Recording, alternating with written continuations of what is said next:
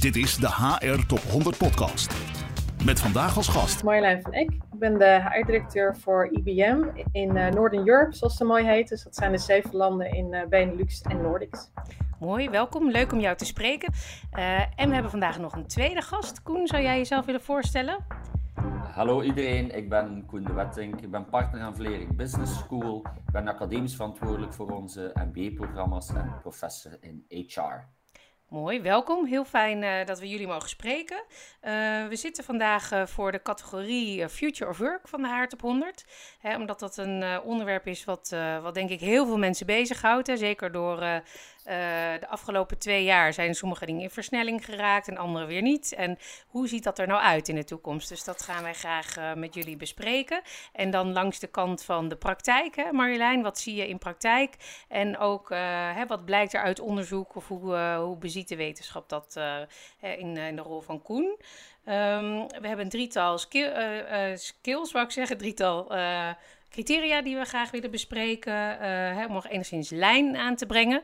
En die zijn future skills, future workforce en future workplace.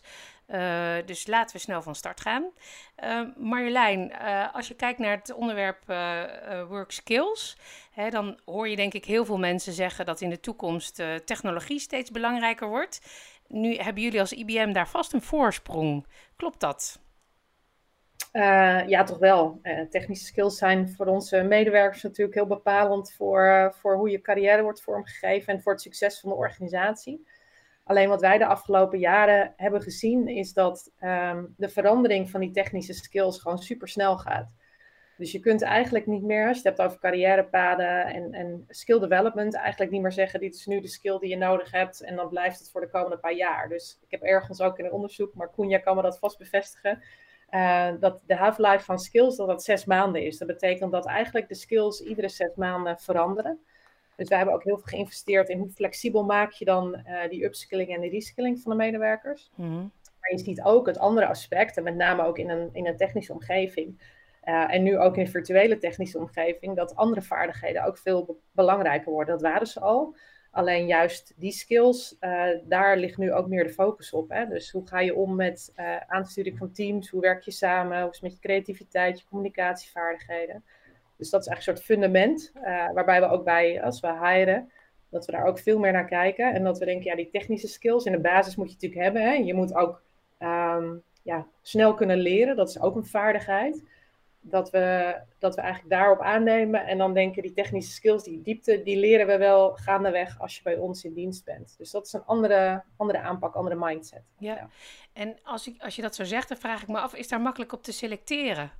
Hè, hoe, uh, hoe weet je of iemand uh, makkelijk leert of hè, die, die uh, flexibiliteit en wendbaarheid heeft? Ja, dat hangt natuurlijk deels vanaf. Hè.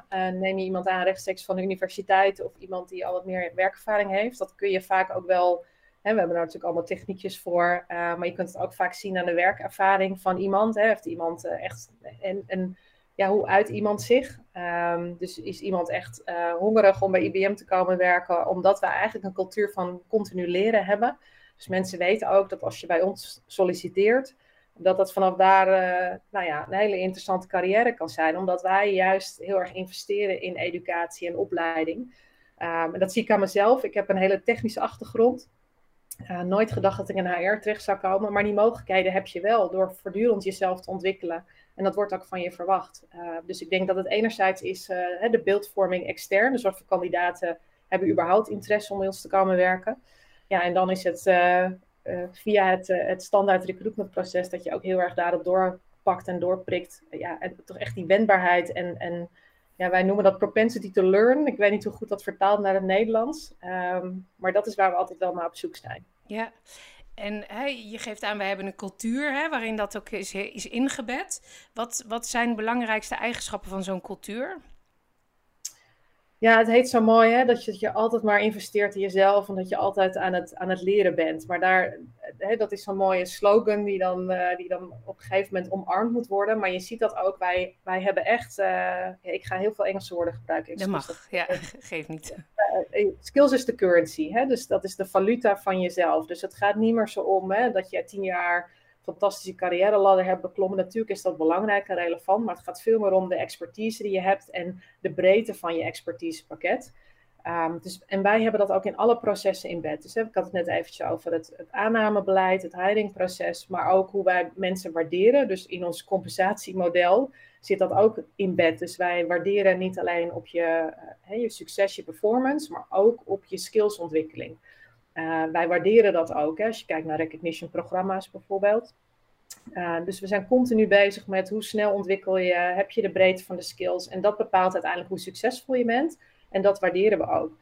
Dus ik vind het ook altijd wel interessant, uh, ik weet niet of daar al theorieën over zijn, um, hè, dus hoe mensen naar carrière kijken. Dus kijk je naar carrière als die ladder omhoog of is het meer hè, de breedte? En zorg je er ook voor dat dat op die manier gewaardeerd wordt. Dat een carrière ook zo kan zijn dat je hè, misschien qua salariering niet per se al die stapjes maakt, omdat je succes haalt uit de breedteontwikkeling. Of moet je juist als organisatie je compensatiemodel daaraan aanpassen om dat af te doen? Het herwaarderen. Ja. Nou, Koen, we zijn benieuwd. Natuurlijk. Nee, ik, ik, hoor een aantal heel interessante dingen. Wat, wat ik, uh, wat ik in dit verhaal apprecieer is inderdaad de alignering tussen verschillende HR-processen. Want dat blijkt ook uit 30 jaar onderzoek rond wat maakt HR sterk of net niet. En het heeft weinig zin om naar één specifiek proces te kijken, maar het is net die afstemming van die verschillende onderdelen, zowel instroom als doorstroom, maar ook uitstroom, denk ik. om daar sterk te aligneren, dat maakt het verschil. dat hoor ik heel sterk bij jullie terug. Ook gefocust natuurlijk op die, en dan opnieuw een, een fancy Engels woord, learning agility. Ja, als we inderdaad niet meer weten wat dat die skills van, van, van morgen zijn, ja, dan kunnen we eigenlijk alleen nog daarop, uh, daarop inzetten. Gecombineerd natuurlijk met een context waarin medewerkers ook gechallenged worden om hun relevantie, niet alleen nu, maar ook naar de toekomst toe, voldoende, voldoende in, vraag te stellen. En dat zijn elementen die ik, die ik hier uh, um, zeker wel terughoor. Maar nu ben ik eigenlijk de vraag vergeten.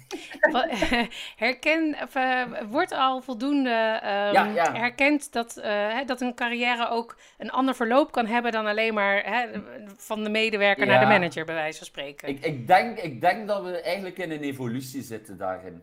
Wat ik, wat ik soms zelf zie, is dat intern binnen een organisatie dat dat eigenlijk al vrij goed lukt.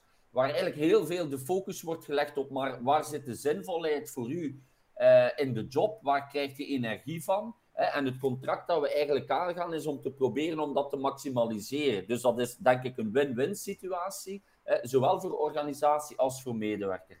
Wat ik toch soms nog wel zie, is dat de externe wereld daar ook nog wat anders naar kijkt. Ja? En natuurlijk, medewerkers blijven ook wel ergens een verwachting hebben naar allez, dat salaris. Hè, als die toegevoegde waarde omhoog gaat, ja, dan, dan mag dat ook vertaald worden in het salaris dat is allemaal net iets moeilijker hè, om die linken te gaan leggen tussen meer fluïde rollen en wat we daar dan financieel tegenover stellen.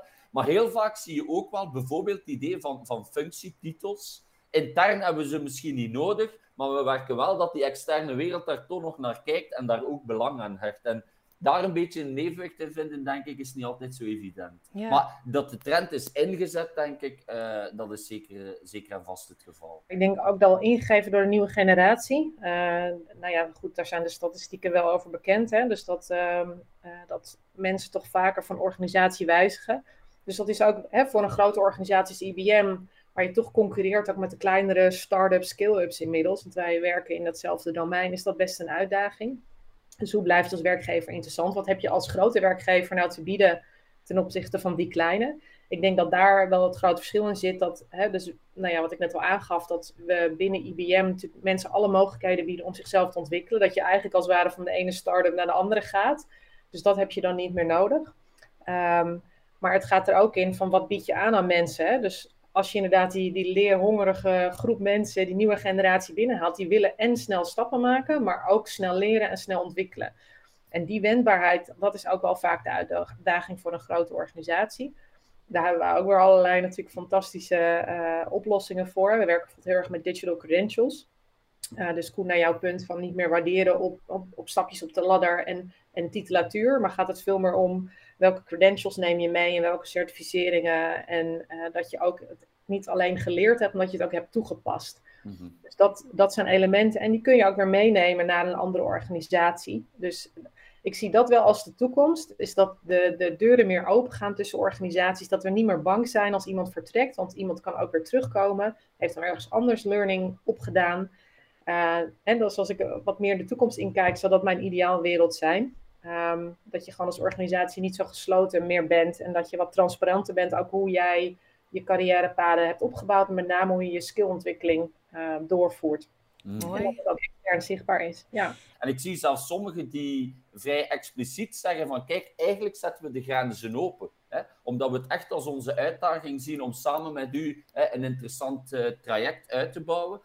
En soms zie je dan het verrassende effect door de, de grenzen eigenlijk open of de deur open te zetten, dat mensen dan toch eigenlijk eerder weer geneigd zijn om te gaan blijven. Dus ik denk, je ziet inderdaad dat de, het belang van, van medewerkers te kunnen boeien, jobinhoudelijk, uh, alsmaar belangrijker wordt. En ik, ook het tweede element, ik denk echt dat je als organisatie naar een aantal non-negotiables moet kijken in termen van waar zijn we naar op zoek binnen onze organisatie, maar dat je dan heel veel flexibiliteit aan de dag moet kunnen leggen om eigenlijk de rollen en de verantwoordelijkheden en de activiteiten en de projecten die medewerkers oppikken, ja, om die zoveel mogelijk te gaan matchen met de competenties, maar ook de goesting uh, van, van, van die medewerkers. En ik zie sommige organisaties die daar zeer expliciet in zijn. We trekken u aan, we gaan u de tijd geven om voor uzelf hè, uw uh, engagement drivers te gaan ontdekken. En op basis daarvan zullen we dan specifiek een aantal activiteiten laten doen. En vaak zie ik ook dat dat als aantrekkelijk wordt gezien, uh, voornamelijk door die, door die jongere generatie. Ja, ja, dat is misschien ook een mooi punt. Hè? Die jongere generatie, daar is natuurlijk veel focus op. Hè? Maar we weten allemaal dat heel veel generaties tegelijk aan het werk zijn. En um, misschien ook goed om even te, dit te koppelen aan diversiteit. Hè? Daar hadden we het in het voorgesprek ook even over. Hè? Want ik kan me voorstellen dat dat best ook dilemma's oplevert, Marjolein. Als je aan de ene kant zegt, we hebben iedereen nodig. Hè? We zetten de deur open. We kijken gewoon naar wie ben je, wat wil je ontwikkelen. Terwijl je hè, aan de andere kant misschien ook zegt, ik wil een afspiegeling zijn van de maatschappij. Of we willen ook hè, verschillende generaties aan het werk. Hoe, hoe kijk jij daar, naar, daarnaar? Ja, en ik zal niet ontkennen dat het ook voor ons een enorme struggle is. Hè? Dus diversiteit in de breedste zin van het woord. Dus niet alleen uh, naar generatie, maar ook naar man, vrouw, culturele achtergrond. Dus hoe ben je als werkgever aantrekkelijk voor al die groeperingen? Dat is een uitdaging. Ik denk dat IBM natuurlijk historisch al een bedrijf is. Wat, en omdat wij al zo lang bestaan, dat mensen ook uh, ja, toch een lifelong employment kennen bij IBM. Dus die groep is nog steeds vertegenwoordigd. Uh, maar nogmaals, het gaat er ook, ook bij die groep om ontwikkel je je steeds. En ik denk dat dat een interessante is. Hè? Dus veel van die mensen zijn binnengekomen, sommigen ook zonder, um, zonder universitaire graad. Die hebben gewoon intern kunnen doorontwikkelen bij IBM. En die zijn op een punt gekomen uh, dat ze ofwel richting pensioen gaan of misschien nog tien jaar moeten. En ook voor die groep, hè, een organisatie die verandert en de vaardigheden die nodig zijn voor je functie veranderen. Als die groep ja, wendbaar blijft, uh, en dan, dan is dat ook uh, een fantastische pool om uit te vissen. Dus voor ons is dat niet relevant. Maar gaat het veel meer om, dus voor die uh, wat meer senior generatie en de ervaren generatie zit de emphasis natuurlijk op de skills. En hoe heb je laten zien dat je dat hebt toegepast en, en kunnen we jou op dit moment inzetten voor een functie. En voor de nieuwe generatie gaat het dus veel minder om die skills die ze meebrengen, maar meer om, hè, ben je leergierig en, uh, en laat je zien dat je past binnen het nieuwe beleid van, uh, van onze organisatie. En dan zien we ook heel mooi dat die twee groepen heel goed, ja, het zijn natuurlijk geen twee groepen, het zijn er misschien wel tien, maar dat die allemaal heel mooi naast elkaar werken. En soms komt er ook een jonge generatie binnen die dan weer de oudere generatie dingen leert, hè, zoals nu ook met de techniek. Uh, dus dat gaat bij ons heel erg fluïde uh, door elkaar heen. Het is bij ons eigenlijk een non-topic. Um, uh, dus soms heb je ook een jongere generatie die de manager is van een team met weer oudere generatie. Dat zijn allemaal niet, niet relevante thema's. Dat is gewoon volledig geaccepteerd. Ja. Mooi, maar ik hoor wel maatwerk of differentiatie in de aanpak vanuit HR. Hè? Dus om ervoor te zorgen dat het geen issue is eigenlijk. Klopt dat? Ja, natuurlijk. En ook op leiderschap. Hè? Dus daar wordt heel erg op, uh, al jarenlang wordt er naar gekeken en uh, op benadrukt. Maar het is nu echt onderdeel van onze cultuur. Dus het is ook nooit echt een topic. Wat wel het grappig is als je in een uh, meeting bij IBM begint. Iedereen introduceert zichzelf bij naam en dan hoe lang ze al bij IBM werken. Ik moet er altijd erg om lachen. Dat gaat er langzaamaan uit.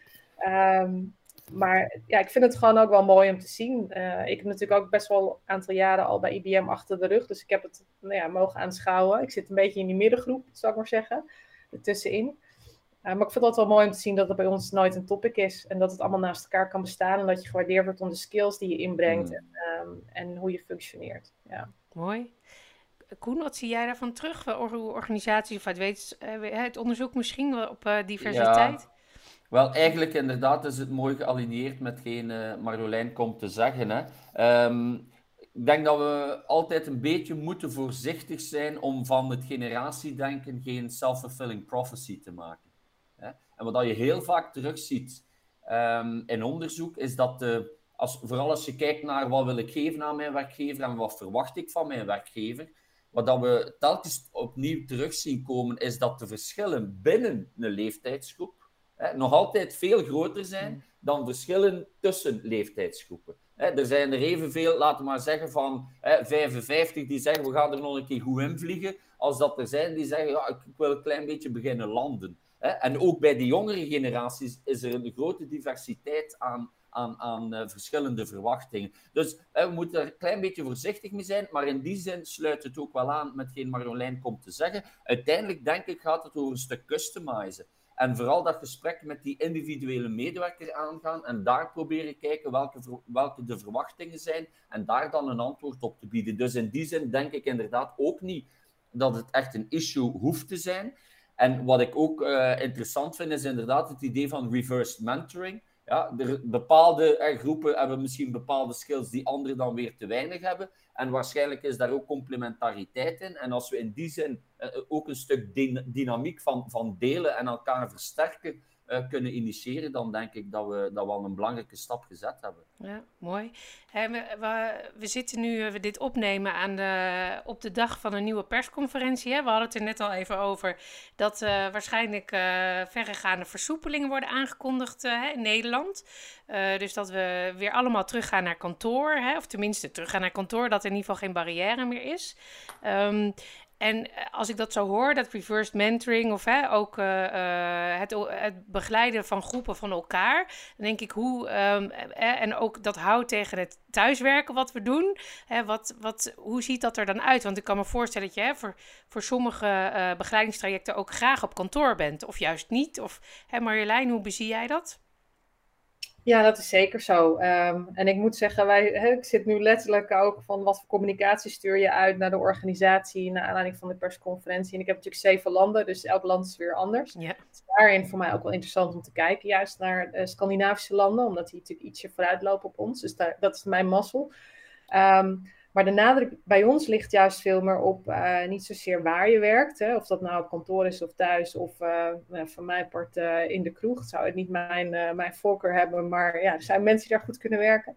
Maar het gaat er veel meer om ja, hoe je werkt en, en wanneer je werkt. Ik denk dat dat echt ja, de nadruk moet zijn qua flexibilisering. Um, dus dat kantoor is voor ons natuurlijk ja, net zo relevant als voor andere organisaties. Maar hoe gebruik je dat kantoor is denk ik waar de, ja, de, de devil is in de detail. Uh, en hoe begeleid je dan de organisatie? Dat, en dan stuur je de organisatie dat we op een andere manier naar werken gaan kijken.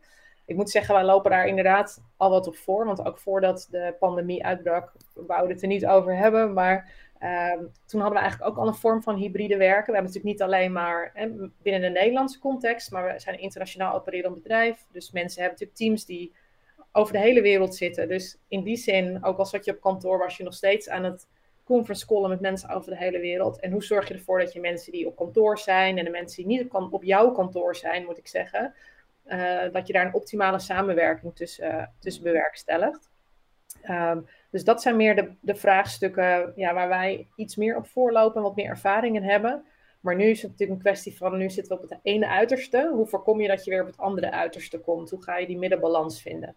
Mm en dat zit hem heel erg, denk ik, in ja, hoe je aanstuurt, hoe, je, hoe, hoe wij weer onze managers vragen hun teams aan te sturen. En hoe zorg je, hoe creëer je een cultuur waarin ja, samenwerken de norm is. En daarvoor kom je dan misschien naar kantoor. Dan dat je daar ook weer je laptop open gaat doen en gewoon verder gaat wat je thuis ook deed. Ja. Um, dat is denk ik de, de challenge voor ons. Ja. En dat activiteiten gestuurd werken, hè, is eigenlijk wat je zegt. Hè? Dus als je gaat samenwerken, doe je dat op kantoor. En als je achter je computer zit, doe je dat thuis. Um, en, en jij zegt uh, ook wanneer. Is dat wanneer komt dat door de verschillende tijdzones, dat je dat zo expliciet noemt? Of, uh... Ja, en, en, ik denk dat mensen nu ook een nieuwe nieuw, ja, nieuwe vorm hebben gevonden thuis en een work-life uh, balans. Dus en misschien vinden mensen het wel heel prettig om, uh, om smiddags even een wandelingetje te kunnen maken of de kinderen uit school te halen, dat je die flexibiliteit nu hebt gehad. Dat is natuurlijk luxe die je dan straks weer moet inleveren. Sommige mensen vinden het verschrikkelijk, willen juist weer op kantoor. Maar dat je ja, 9 tot 5 of, uh, of 10 tot 6, of misschien werk je juist liever s'avonds, dat je overdag wat meer tijd hebt voor andere dingen, dat je overdag kunt sporten. Ik denk dat dat dat meer is van wanneer je werkt. Alleen dan is het natuurlijk de kunst hoe zorgen dat als je team samen moet brengen, dat niet de ene hond aan het uitlaten is en de andere op kantoor zit te wachten. Ja, nee, dat wilde ik precies net vragen, ja. dus Dat, al die individuele behoeftes geven natuurlijk een berg aan, in, aan, uh, aan verschillende schema's. Ja. Dus uh, hoe, hoe, hoe bezie je dat? Moet, moet, moet je dan leidinggevende um, vragen om bepaalde uh, momenten te creëren waarop je er allemaal bent? Of hoe, hoe ziet dat uit? Ja, en dat is natuurlijk niet anders dan virtueel. Of je nou in een scherm zit, want je zegt we hebben iedere week op dat tijd zit met z'n allen een, een teammeeting. Of uh, we zijn nu met dit project bezig en we gaan even een dag op kantoor co-creatie doen. Ja, dat is denk ik gewoon meer de flexibiliteit. Dat, dat je niet die vaste afspraken hebt iedere week, maar dat je daar omheen kunt bouwen. Maar natuurlijk is werk in die zin dan het leidende en moet je je leven daaromheen gaan plannen. Maar ja, hè, dus ik had laatst bijvoorbeeld een interview ging over monorijden met het ministerie. Dat je voorkomt dat mensen uh, al bellend en, stress, en met stress in de auto zitten. Ja, ga dus niet om negen uur een afspraak plannen op kantoor. Want dan draag je ook bij aan het fileleed. Doe dat dan om tien uur of om half elf. Zodat mensen thuis eerst even een ding kunnen doen. Wat het dan ook is. Of even e-mail of wat anders. Sporten. En dat je dan naar kantoor komt. Dus dat je het meer op die manier reguleert. En dat, ja, dat is denk ik voor ons meer aan de teams. Dus flexibiliteit voor het individu. Maar ook flexibiliteit voor ja, de teams om het in te regelen zoals dat voor hen en voor de werkzaamheden die zij doen het beste past. En nou, als ik dat zo hoor, dan denk ik, maar er liggen dan wel een aantal guiding principles onder, hè? Die je dan, hè, waarbij je zegt bijvoorbeeld, wij vinden het oké als je om 11 uur komt en vermijd de file, hè? Of, uh, of is dat niet zo? Ja, je, ja, bij ons hoef je dat niet eens meer uit te spreken. Dus uh, dat is altijd wel grappig als je bij ons beneden in de hal gaat zitten en dan zie je eigenlijk de verschillende functies, als het ware, verschillende tijdstippen binnenkomen. Het hangt maar net af van de werkzaamheden die je doet. Ja, mooi. En Koen, je komt vast veel organisaties tegen waarbij dat wat minder in het DNA zit al, of niet? Ja, het blijft natuurlijk een heel moeilijke evenwichtsoefening. Hè. Langs de ene kant willen we zeker ook duidelijkheid en klaarheid scheppen naar, naar de medewerkers. En anderzijds willen we ook voldoende flexibiliteit geven. En ja, dat, dat, dat, zal, dat zal nooit een makkelijke oefening zijn, denk ik. Um, maar wat je wel ziet, is dat we inderdaad, en het woord is al aan bod gekomen, denk ik dat het nuttig is om vanuit, uh, vanuit HR eerder in termen van guidelines te denken. Van hoe ziet die situatie eruit die we willen gaan creëren, eerder dan heel strakke regeltjes. Want allez, ik zie het ook, sommige bedrijven die hebben nu al beslist dat het is twee dagen per, per week op, op kantoor. Dan denk ik van, ja, maar van waar komt dat dan? Hè? Waarom twee en niet twee dagen en een half of drie? Dan denk ik heel vaak is dat toch wat arbitrair. Heel vaak zie ik ook dat de individuele preferenties van een individu plotseling verheven worden tot een algemene regel. En dan denk ik inderdaad, dan is het toch wel nuttiger om met een aantal principes en guidelines te werken en dan het gesprek aan te gaan, rekening houdend met het team, rekening houdend met de context en de verwachtingen van iedereen. Dat lijkt me inderdaad wel een gezonde aanpak. Ja, mooi. Dus ik, ik, ik, moet denken aan een soort koorddansen. Hè? Dat komt eigenlijk bij al die uh, onderwerpen die we bespreken uh, voorbij. Hè? Het is allemaal continu balans zoeken tussen allemaal verschillende belangen die allemaal meegewogen moeten worden. Dat lijkt me, ja, dat maakt die toekomst wel interessant, denk ik. Ja, we kunnen er nog lang over doorpraten, maar we zijn alweer een heel eind onderweg. Dus misschien uh, nog tijd voor een laatste uitsmijter. Marjolein, hebben we nog iets gemist wat belangrijk is om te noemen, waar we het niet over hebben gehad? Nou ja, wat ik, wat ik hoop, althans veel organisaties, is dat ze technologie ook iets meer gaan omarmen. Dus uh, misschien, uh, uh, omdat mijn, mijn IT-achtergrond en eh, dat ik het feit dat ik IBM werk, hoe heb ik gezien dat het in je voordeel kan werken? Dus dat, dat mensen er niet bang voor zijn. We hebben net al gehad over het, het aannamebeleid. Hoe kun je technologie inzetten om bijvoorbeeld bias uit je aannamebeleid te halen? Maar hoe kun je technologie inzetten om te waarderen voor skills bijvoorbeeld? Um, en technologie natuurlijk in het gebruik om meer inclusiviteit te creëren als je met uh, diverse en virtuele teams werkt. Um, dus ik hoop ook dat we een stukje daarvan vasthouden op het moment dat mensen weer een soort van terug naar normaal gaan. En dat het nieuwe normaal ook een deel uh, heeft waar meer technologie in wordt gebruikt. En dat het ons ook ons leven makkelijker maakt, denk ik. Ehm, dus dat is meer een wens. en ik, ik zie dat al heel erg. Maar ik denk dat dat een heel belangrijke component gaat worden. Ja, mooi. Nou, en, en het HR-vakgebied, hè? voorop misschien. want hè, daar kom ik nog wel eens wat uh, weerstand in tegen. Maar ik kan me voorstellen, hè, zoals jij een mooi voorbeeld noemt over het aannemen van mensen. Het kan natuurlijk enorm nuttig zijn, hè, maar ook data verbinden. Hè? Wat heeft effect op wat?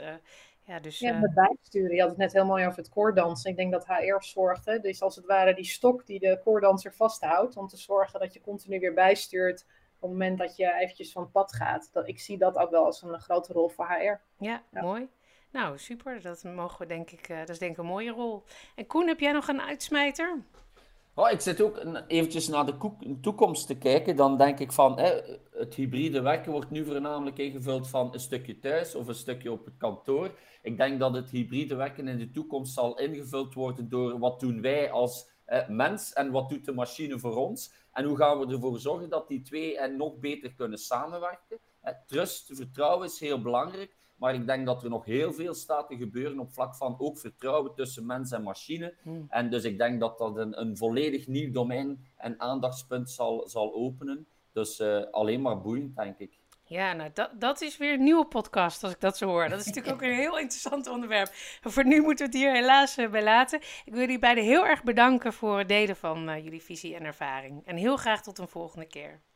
Graag gedaan. Graag gedaan.